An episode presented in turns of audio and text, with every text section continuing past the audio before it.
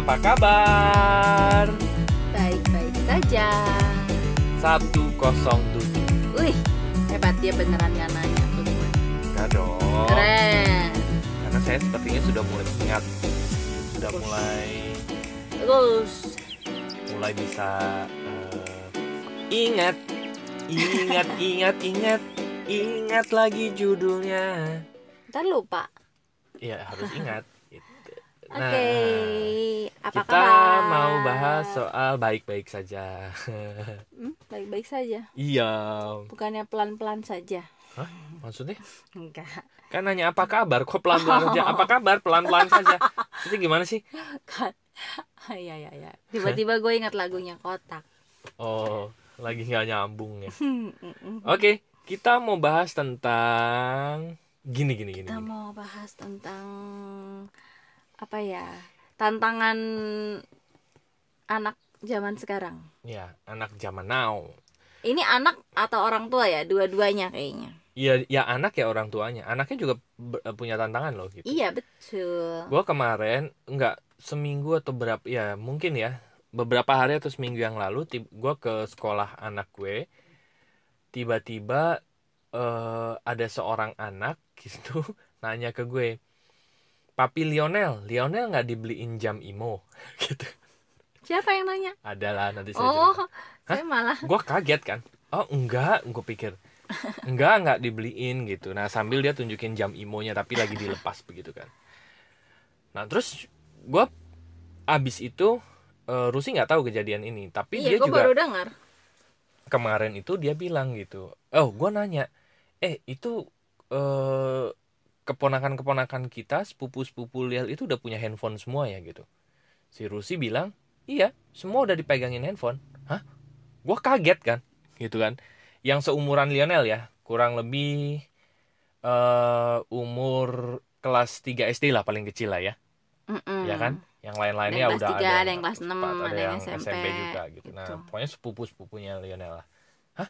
Udah punya handphone semua gitu. Nah, terus Lionel juga sempat minta handphone ke maminya gitu. Dan jawaban maminya adalah Dia udah tahu sih, si eh, si Koko itu udah tahu lah bahwa gua nggak bakalan kasih gitu. Jadi dia usahanya juga cuma standar. "Mm-mm." Mami, boleh nggak Koko pegang hand, boleh nggak Koko punya handphone sendiri? Enggak. Oke. Nah, dia dia udah tahu gitu. Karena gue udah sering udah udah sering jelasin juga bahwa perlunya apa buat kamu. Karena kan gue selalu nekenin ke dia kalau kamu bisa kasih tahu ke mami papi bahwa kamu perlu dan kamu bisa meyakinkan bahwa memang itu sesuatu yang benar eh, diperluin ya nggak apa-apa. Mami papi mungkin akan akan pertimbangkan untuk emang beliin. Tapi kan dia nggak bisa dia bilang buat eh buat apa kamu perlu yaitu ya jam itu juga dia nanya tuh jam yang imo itu. Boleh nggak mau kok eh, eh, boleh nggak mi koko beli itu? Buat apa? Gitu. Dan selama ini dia nggak pernah bisa kasih alasan yang bener-bener butuh gitu. Jadi ya gue pikir buat apa kalau mau lihat jam? Kan mami udah beliin jam buat kamu. Kamu boleh pakai ke sekolah. Terus Hmm. kalau ah, itu ya biar mami bisa telepon koko buat apa mami telepon koko? Kalau koko di rumah ada telepon rumah ada handphone mak mak itu nenek ya. Ada ada handphone ada ada handphone neneknya. Kalau kamu WA-an Eh, juga eh, bisa. WA-an selama ini juga kalau gue pergi keluar kota eh, ya kita WA-an pakai handphone itu. Dan kalau di sekolah buat apa? Perlu gitu. Ya supaya kalau mami mau pergi-pergi kan mami bisa telepon koko. Selama ini mami juga bisa. Biarpun mami pergi mami malah ke sekolah. Nggak usah telepon. Mami mami ke sekolah pamit sama kamu bisa peluk.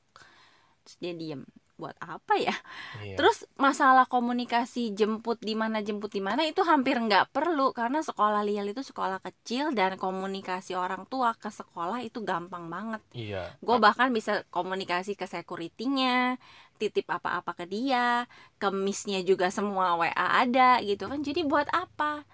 Dan anak Hmm. gue ngerti kalau dia nggak bisa kasih alasan yang eh, masuk akal, ya udah dia juga berhenti minta gitu. betul Nah, cuma ya dia kadang-kadang bete gitu. Kok eh, jarang sih dia bete. Dia maksudnya gini, kalau lagi ngumpul, gue kan kasih aturan ke dia kalau lagi ngumpul, ngumpul. nggak boleh pegang handphone, ya kan? ya Kalau pegang handphone, nggak usah ngumpul, kamu di rumah aja, ya kan? Ngapain kita main jauh-jauh, ujung-ujungnya main handphone juga, itu mah di rumah juga bisa. Tapi dia suka bete karena dia nurut sama kita, tapi begitu dia kumpul, yang lainnya pada pegang handphone gitu. Jadi dia kan gimana sih? Kata mami kan nggak boleh ngump apa kalau ngumpul nggak boleh pegang handphone. Nah, sedangkan yang tapi kan anak-anak lainnya bukan anak-anak gue. Maksudnya gue nggak bisa ngomongin mereka gitu kan. Eh jangan pegang handphone apa-apa apa gitu. Nah itu tantangan anak juga tantangan orang tua gitu. Iya. Gue sudah mengajarkan yang menurut gue seharusnya begitu biar bersosialisasi, tapi ternyata lingkungannya ya lingkungannya tidak menerapkan yang sama gitu. Itu sih yang gue eh, jadi concern gue gitu bahwa eh, kadang-kadang begitu masuk ke lingkungan aturannya tuh jadi eh, buat anak tuh jadi kayak nggak adil buat dia gitu. Kenapa Hmm. yang lainnya boleh kok kok kok nggak boleh gitu ya akhirnya kalau udah begitu kalau gua ada lihat oh yang lainnya juga pegang handphone dan nggak ada kemungkinan dia main juga ma- mau main apa main sendiri ya udah akhirnya ya udah gua kasih gitu kan Tapi Makanya, dikasihnya ya. handphone kita, bukan Ya. dia punya sendiri kan. Eh, eh, handphone kita yang kalau kita masih ada perlu ya kita masih kok kok mami mau lihat ini ada WA ada apa segala macam Bener, betul. gitu jadi eh gue sih terus terang itu salah satu pertimbangan ya buat nyari lingkungan buat anak gitu karena Hmm. pernah ya kemarin-kemarin kan viral tuh di apa sih ya di sosmed lah lah ya. ya Hmm. gitu ada apa eh, screenshot IG story yang anak kecil nggak boleh masuk geng gara-gara belum pernah ke Disneyland terus belum punya iPhone apa terus nggak dianggap gara-gara sepatunya mereknya apa. Aduh gue sih terus terang gue bakal ilfil banget sama lingkungan kayak gitu gitu. Ya, kayak ah apa sih? gitu. Lingkungan macam apa ini? Gitu tapi mungkin nggak nggak nggak yang semuanya begitu menurut iya. saya sih. Itu kan cuman itu cuma yang cuman ekstrim satu lah ya. iya cuman ekstrim. Nggak nggak semua yang lingkungan akan begitu. Menurut gua masih banyak yang normal lah gitu. Gua ya bilang syukur normal. lah gitu. Gitu. Tapi memang menurut gua sih gini ya bener kata Rusi bahwa ini tantangan tantangan orang tua dan tantangan anak gitu. Gue cukup bersyukur bahwa anak anak kami itu eh, cukup dewasa dalam meng- menghadapi hal ini gitu ya maksudnya dia sudah cukup tahu gitu eh, gadget itu untuk apa gitu ya Eh, kalau misalnya dia nggak dikasih memang dia tahu sebetulnya dia belum butuh-butuh amat gitu toh di Dan- saat dia butuh untuk hiburan pun kita kasih, Kasih, kan betul. walaupun memang tetap balik lagi ada jamnya ada waktunya Bener. Nah, terus kalau misalnya ditanya, terus anaknya nggak rewel kalau misalnya dikasih gadget gitu. Hah? Menurut nggak dikasih gadget Oh, atau nggak dibeliin dikasih, gitu ya. iya. Terus menurut gua sih balik-balik lagi seputar tangki cinta sih gitu. Kalau eh, anak sampai merengek terhadap satu permintaan yang tidak dikabulkan, mungkin ini adalah bentuk pemberontakan dia karena tangki cintanya sudah menipis gitu. Ini ada alasannya nih. Jadi Hmm. kayak ada alasan nih, gue bisa nih akhirnya sekarang berontak karena gue nggak dikasih ini, gitu kan? Kalau misalnya nggak ada alasannya, dia nggak bisa menunjukkan hal ini kan, gitu. Iya. Nah, menurut gue balik-balik lagi kalau misalnya memang orang tuanya eh, sudah cukup mengisi tangki cinta anaknya, anaknya pasti akan fine-fine aja dalam menghadapi hal itu juga gitu. Even eh, dia merasa bahwa lingkungannya juga eh, dia sedikit berbeda dengan lingkungannya. Dia nggak Iya. megang gadget, teman-teman yang lain megang gadget. Menurut dia ya dia udah tahu kok why-nya. Why kenapa saya belum punya gadget gitu. Why saya belum eh, ada gadgetnya karena saya memang belum perlu. Itu tidak apa-apa untuk kondisi psikologisnya dia. Kenapa? Karena tangki cintanya dia sudah cukup. Itu aja sebetulnya sih Iya. gitu. Yang menjadi problem adalah kalau tangki cintanya kurang gitu ya, ada dua Hmm. problem problemnya adalah ke orang tua dan problem psikologisnya dia terhadap lingkungannya gitu Mm-mm. pertama terhadap orang tuanya dia minta diisi tangki cintanya ke orang tua yang kedua ke lingkungannya dia merasa tidak diterima di lingkungannya karena gitu. dia tidak sama merasa tidak sama Iya, nah. karena ya itu tadi kan bener nah kalau dia merasa tidak diterima di- oleh lingkungannya maka tangki cintanya akan menjadi semakin habis lagi kan Mm-mm. tangki cintanya semakin habis lagi, dampaknya adalah dia semakin merengek ke orang tuanya gitu. Ini jadi kayak lingkaran yang tidak berkesudahan lagi nih gitu. iya betul Jadi ujung-ujungnya handphone itu atau gadget itu meru- menurut gue ya sekali lagi itu mer- hanya merupakan salah satu simptom gitu. Hanya merupakan salah satu senjata untuk menunjukkan kekurangan tangki cinta sang anak gitu. Kenapa? Hmm. Karena tanpa gadget, gue merasa tidak diterima oleh lingkungan gue. Iya. Karena tanpa gadget, gue merasa tidak bisa bersosialisasi dengan orang lain gitu. Nah, kenapa dia merasa tidak bisa bersosialisasi? Ya ujung-ujungnya tadi dia merasa tidak diterima oleh lingkungannya itu aja sih. Merasa Oke. tidak diakui, merasa tidak. Ya kan ujung-ujungnya empat kebutuhan dasar itu lagi kan, Iya. gitu. Tapi kalau tangki cintanya sudah oke, terisi cukup oleh orang tuanya, dia akan merasa fine-fine aja tanpa gadget karena ya tadi balik-balik lagi karena dia sudah Hmm. tahu why-nya gitu. Hmm. menurut gue sih gitu ya. Itu makanya kemarin waktu ada teman sekolahnya bilang papi Lionel Lionel nggak dibeliin imo gitu. Hah? enggak. Gue bilang enggak gitu. Terus terus selang buat berapa? apa juga gitu kan. Selang berapa hari eh, pihak sekolah mengeluarkan larangan untuk memakai jam itu di sekolah. Iya karena chat-chatan ya. Gitu. Jadi ya udah ya gitu kan. sudah gitu. Terus eh, apa hmm, apa ya? Ya benar yang kata Ari tadi soal tangki cinta orang tua ya. Mungkin karena itu gue jadi berani atau tanda kutip tega untuk bilang enggak ke anak. Kamu Megizet Kan. Teganya teganya teganya teganya. Karena kan ka- karena gue ngerasa eh gue sama Ari masih bisa memenuhi tangki cinta dia gitu. Jadi makanya ya dibilang enggak pun gue Ya, akan nggak apa-apa. gue masih merasa dia bisa fine fine aja gitu. Iya. jadi kadang dia protes mami si ini udah punya handphone. Mami si ini eh, udah boleh nonton apa gitulah ya apa atau dia eh, sering membandingkan lah bahwa eh, teman-temannya apa apa apa apa gitu. Dan yang menurut gue memang enggak gitu. Dan dia tahu kalau ya. kalau gue iya. Dan dan gue selalu bilang akan ada waktunya. Akan ada waktunya untuk semua hal. Termasuk untuk kamu boleh nonton apa nonton apa itu akan ada waktunya nanti gitu. Iya. Dan eh, kalau dia kalau udah mentok waktu itu gue udah pernah bilang gini sama dia "Se- setiap orang tua punya cara asuhnya karena gue juga nggak mau menimbulkan maksudnya gue nggak mau nyalahin orang tua lain ngasih apa ke anaknya ya itu kan pilihannya mereka Pertimbangan mereka Betul, kan. betul. Benar, Makanya- benar. makanya gue selalu bilang sama si Kokoh setiap orang tua itu tahu cara terbaik untuk ngasuh anaknya menurut mami ini cara terbaik mami untuk eh, mendidik kamu Koko, iya. gitu sampai akhirnya gue pernah bilang kalau kamu nggak cocok sama cara asuh mami sama papi kamu boleh pilih orang tua lain. Gue sampai ngomong begitu dan dia nangis dong. Dia bilang enggak koko tetap mau sama mami sama papi. Gue berani ngomong gitu karena gue tahu dia deket sama kita. Kalau misalnya misalnya anaknya jauh sama orang tua kita bisa ngomong gitu bisa beneran kabur bahaya gitu. Cuma karena gue tahu sepertinya gue sama Ari masih cukup lah memberi ini ke dia memberi apa ya mengisi tangki Tangki cintanya, cintanya. makanya gue berani ngomong gitu. Supaya dia mikir gitu. Dan akhirnya dia mikir sih. Dan ah, sekarang gue nggak mau lagi ngomong kayak gitu. Karena dia pasti eh, nangis kalau gue bilang gitu. Enggak mi. Ya udah oke.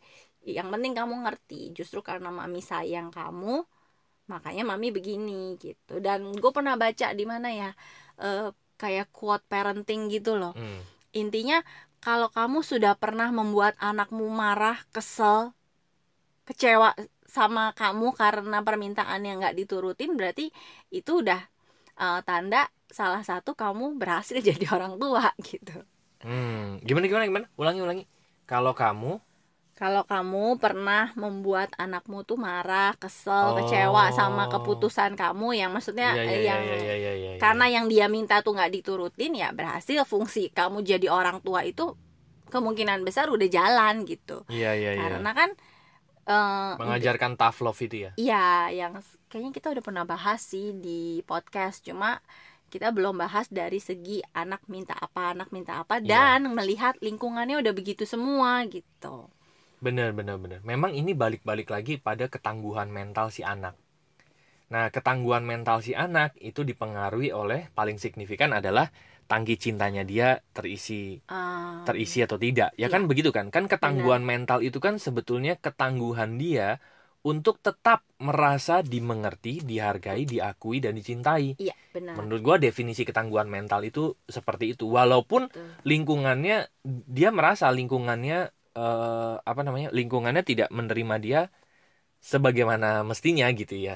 Atau Tapi itu ya namanya ketangguhan mental. kalau orang ya ini berlaku juga sih bahkan untuk orang dewasa kan. Hmm. Kalau eh, tangki cintanya kosong atau tidak terisi, yang tadi empat dia merasa tidak dihargai, diakui, dimengerti, dicintai, itu kan berarti dia merasa dirinya tidak cukup baik untuk diterima orang lain. Iya, Makanya iya, iya. dia membutuhkan Sesuatu yang di luar. sesuatu dari luar, Iya, iya, entah iya. itu Benar, materi, entah itu ses- ya apa pun lah gitu. Bener. Itu yang membuat dia merasa itu akan melengkapi kekurangan gue dan akhirnya membuat Benar, gue benar. akan diterima gitu. Betul, betul. Jadi eh, bukan cuma anak sih sebenarnya yang punya tantangan gitu. Orang gede pun sampai sekarang mungkin masih merasa butuh sesuatu dari luar untuk menaikkan nilai dirinya gitu. Benar, benar, benar, benar. Itu sesuatu yang eh, harusnya kita putus ya. Ya dan dimulai dari ya mungkin orang tuanya juga aware kali ya. Iya, iya, iya. Maksudnya intinya kan kalau gue mikirnya gini ya, pernah gue mikir kenapa ya ada orang yang nggak pede, Hmm, misalnya karena nggak make ini, nggak make itu, Hmm. atau eh, ada orang yang ngerasa nggak pede masuk ke satu mall, satu bangunan gitu ya, Hmm. yang didesain begitu megah gitu, bagus, karena mungkin dia ngerasa pakaiannya nggak nggak pantas atau apa gitu. Atau dirinya yang merasa tidak Nah, pantas. gue berpikir manusia itu kan ciptaan Tuhan paling mulia. Kenapa seorang manusia bisa ngerasa tidak lebih baik daripada bangunan gitu? Hmm. Atau dari sesuatu yang di luar dirinya iya, ya. atau dari sesuatu atau dari kemewahan-kemewahan yang berupa barang gitu. Nah, itu yang kadang-kadang juga jadi pikiran gue sih gitu. Kenapa Betul. gitu? Toh tanpa semua itu pun nilai seorang manusia itu kan sudah sangat berharga kan? gitu. Bener, bener. Karena Eh, tapi gua nggak ngomong nggak boleh pakai Oh yang iya, itu betul. ya pokoknya maksud nyaman di setiap kondisi Iya, gitu. Kita punya gitu. itu berlimpah ya nyaman nggak nyaman apa-apa aja. kalau Kalau enggak pun it's okay gitu. Tapi Iya. maksudnya kita punya citra diri yang jauh lebih tinggi daripada yang maksudnya pakai nggak pakai kita Tetap tetap eh, asik. tetap asik gitu ada nggak ada yang penting kita tertawa gitu kan. kalau masalah demen apa itu mah ya nikmatin Ya, lah nikmatin, gitu namanya bener. juga ya memang Cuman demen suka gitu Iya, kan nah sukanya ini ada faktor emosi nggak di baliknya, gitu kan? ya Kalau suka mah suka aja gitu. Kayak kayak gua harus itu kalau beli apa sepatu, beli sendal, beli tas itu fungsional. kayak ada eh, Rusi beli sepatu harganya 50.000 ribu juga. Dia mah enak-enak aja. Gue juga begitu beli sendal 30.000 ribu, 20 ribu, it's okay gitu. Karena fungsionalnya gue suka juga. Tapi juga nggak masalah kalau misalnya beli sesuatu yang eh, juta gitu it's okay yang penting kita suka dan itu fungsionalnya memang dipakai ya udah gitu tinggal dilakukan dan eh gue menyadari satu hal sih barusan gara-gara gue buat podcast ini bahwa bener ya sering kali orang tidak menyadari eh, memutus lingkarannya itu ternyata dimulai dari tangki cinta. Seringkali Mm-mm. mereka pikir dengan memberikan sesuatu yang di luar kepada anaknya itu sudah menyelesaikan masalahnya. Oh ya iya kan? Nah misalnya yang tadi ya ada anaknya- merasa bersalah. Iya kayak gue gue Bener. punya satu saudara lah ya. Hmm. Eh, sama dia bilang ke gue eh, gimana ya curhat gitu. Karena dia seorang ibu bekerja yang dari pagi sampai malam di kantor begitu anaknya minta gadget dia merasa nggak tega gitu. Karena dia Iya. merasa tidak cukup membahagiakan anaknya. Jadi akhirnya oke lah nggak apa-apa dibeliin. Walaupun dia sendiri sebenarnya khawatir sama bahaya gadget, eh, bahaya gitu. internet. Dia sendiri pun kan pas dia nanya ke gue kan gue bilang ya menurut lo eh, anak lu udah bisa belum? Udah bisa tanggung jawab belum? Lu udah percaya belum dia bisa membatasi dirinya? Dia sendiri belum percaya gitu. Mm-mm. iya sih takut juga. Tapi gimana ya? Ya itu dia tuh ada punya perasaan bersalah karena nggak ada untuk anaknya. Jadi akhirnya dia se ya berusaha ya namanya orang tua pengen membahagiakan anaknya dengan cara menuruti apa yang dia inginkan. Karena dia merasa tidak cukup mampu untuk mengisi tangki cintanya dengan uh, Waktunya. waktunya gitu. Gitu. Atau- It- it- itu juga terjadi gitu. Atau itu memang- juga sih. atau memang ketidaktahuan cara menyelesaikan akar. Ya karena bisa bisa, juga. jadi ini faktornya banyak ya. Eh, ada juga yang misalnya oh ya anak gua minta gadget. Ini contohnya gadget aja ya. Walaupun yang, yang ada gampang kit- ya. walaupun ada banyak banget sesuatu yang di luar itu yang sebetulnya sesuatu yang di luar itu untuk kata Rusi tadi untuk memenuhi kebutuhan kita untuk diterima di lingkungannya gitu ya. Iya. Anggaplah ini gadget pada anak gitu ya. Nah, sebetulnya eh anak yang minta gadget terus dia bilang ya karena teman-temanku udah punya gadget semua gitu kan. Ya udah akhirnya mereka kasih dengan harapan anaknya bisa berbaur bisa dan berbaur punya dan temen. punya teman gitu ya. Nah, ini yang apakah masalahnya selesai sampai situ? Menurut gue sih enggak. Nanti kalau misalnya ada lagi sesuatu yang di luar gitu, minta dibeliin lagi akan terus bertambah nih. Minta motor misalnya. dan yang minta namanya, mobil gitu kan. yang namanya dunia itu kan nggak pernah ada habisnya kan Bener. Nah, sebetulnya kalau kita mau mau tanda kutip mau memutus cara seperti ini yang diputus adalah faktor emosinya, yaitu menurut gua adalah sekali lagi balik-balik lagi ke tangki cinta si anak gitu.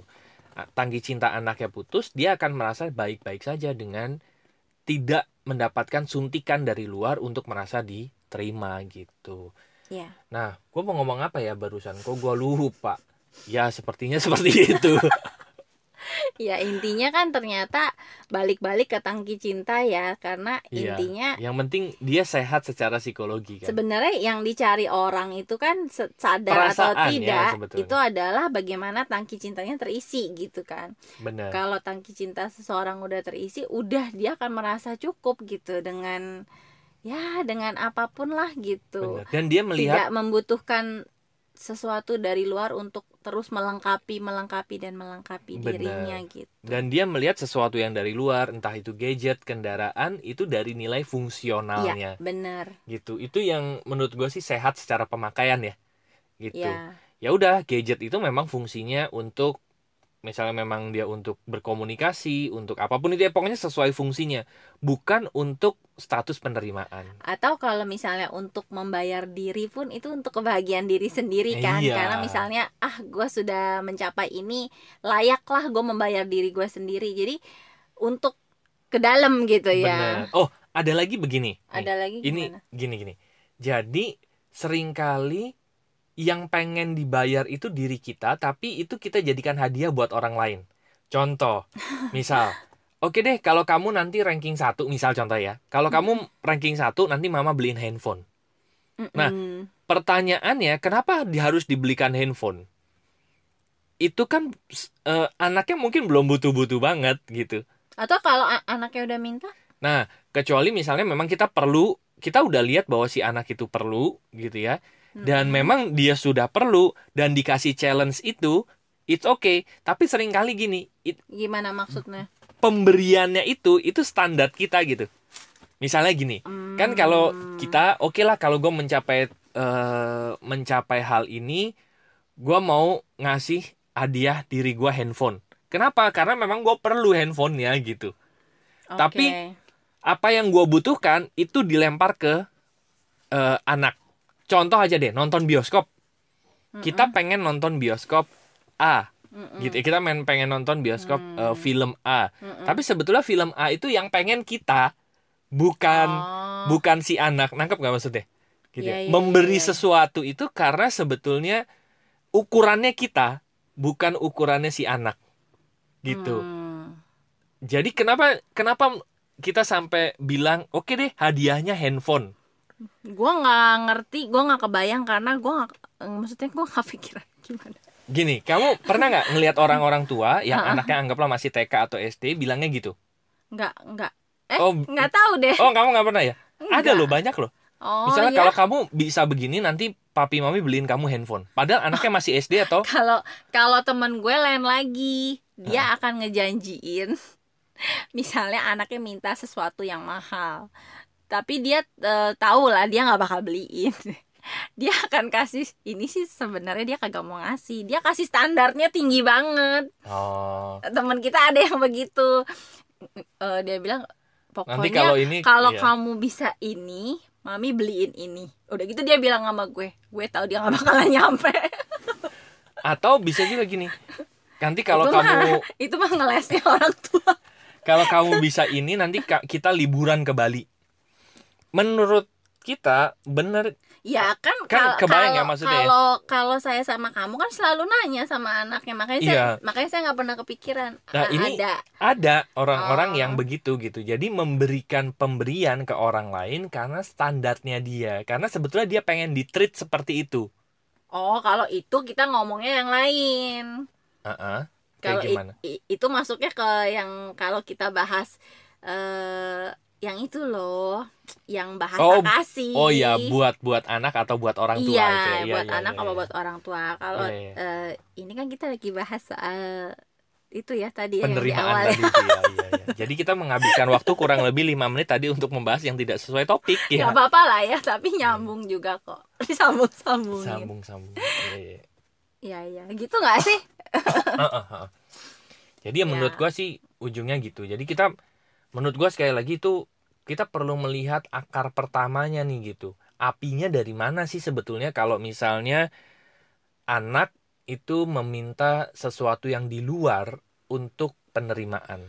Ya menurut gua sih akar pertamanya adalah kekurangan tanggi cintanya gitu. Jadi kalau kita tahu awal apinya di mana, kita bisa Nah, memadamkan kan. cuma gimana kayak tadi yang temen gue tadi ya? Eh, temen apa saudara tadi tuh ya? Iya. Yang bilang, Kalau kayak gitu. "Eh-eh, jadi dianya masih merasa bersalah.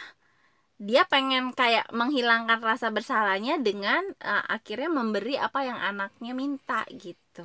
Kalau Kalau dia nggak ngasih, dia merasa dia bersalah. makin merasa bersalah lagi. Berarti ya dia harus beresin dulu Iya. dengan dirinya ya Bener. untuk ya menghilangkan rasa bersalahnya.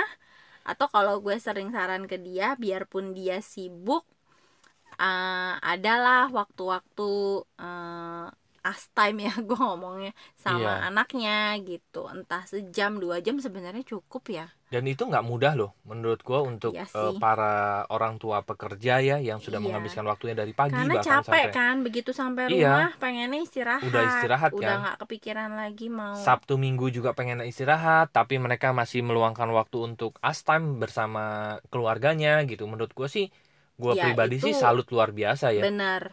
gitu dan apalagi mereka sampai bisa memenuhi tangki cinta anak-anaknya dengan itu standar yang hebat gitu wah itu sih menurut gua he- luar biasa hebat Mm-mm. hebat hebat banget gitu karena banyak bagian diri juga yang eh, mungkin merasa di di apa namanya ditekan dengan banyak Iya. gitu ya bagian diri istirahat bagian diri wah segala macam gitu karena Mm-mm. itu wah itu orang tua yang sangat luar biasa sih sebetulnya.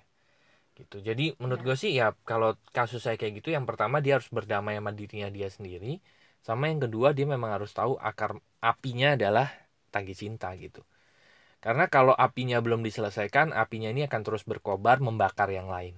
Selalu akan ada kobaran-kobaran lain merembet ke mana-mana gitu. Iya. sebelum apinya dipadamkan gitu. Ini kalau sebelum apinya dipadamkan tuh ibaratnya pemadam kebakaran ya itu yang yang kebakar anggaplah titik A gitu ya. Anggaplah ini jejer ya A B C D itu sebelah sebelahan semua.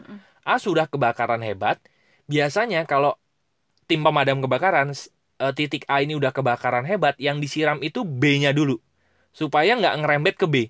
Ke C. B ke C gitu ya. Jadi B-nya supaya nggak kebakar dia yang disiram dulu. Supaya aman nggak merembet ke mana-mana gitu kan. Tapi A-nya masih berkobar gitu. Nah, Iya, iya, biasanya B-nya di, di, disiram dulu supaya api dari A tidak merembet. Nanti B-nya udah aman, baru A-nya disiram. Nah, menurut gua kalau misalnya kasusnya seperti itu, it's okay kalau misalnya dia memutuskan untuk membelikan anggaplah gadget lah ya dalam hal ini ke anaknya, tapi dia harus sadar bahwa kobaran besarnya itu ada di titik A gitu. Hmm. Dia siramin B-nya dulu nggak apa-apa, biar aman dulu gitu ya. Mm-mm. Tapi dia harus sadar bahwa kobaran besarnya adalah di titik tangki cintanya gitu. ya sambil pelan-pelan Dia nyiramin sih ya A titik A-nya tadi supaya aman gitu. betul betul betul Oke, begitu. Jadi bagi teman-teman yang masih ingin ngobrol panjang lebar tinggi bareng kita, silahkan masuk ke website kami yaitu lompatanhidup.com ada apa aja di sana? Ada tiga page di sana. Ada home ada counseling event dan juga ada bisnis. Nanti di semua page itu tergantung kebutuhan teman-teman ya. Mau sekedar kenalan kah? Atau mau memang ada mau sesi tatap muka untuk konsultasi konseling dan juga atau mau undang event atau Ya. mau berbisnis Barengan, bareng kolaborasi atau ingin dimentori mungkin ingin Iya, apa bantuan untuk bisa mengenali minat bakat panggilan jiwa dan gimana caranya bisa hidup dari apa yang dipunyai oleh diri kita nah itu nanti bisa kontak di bisnis nah di semuanya nanti ada tombol WhatsApp tinggal aja klik tinggal tinggal klik. klik aja nanti eh, kita tinggal ngobrol Oke, silakan kunjungi website kami yaitu lompatan. Oke, terima kasih sudah mendengarkan episode baru tadi di awal bilang saya sudah ingat 107 ya? ya 107 ini gitu ya, semoga bermanfaat ya. Dan thank you. Bye bye. See you. bye bye see you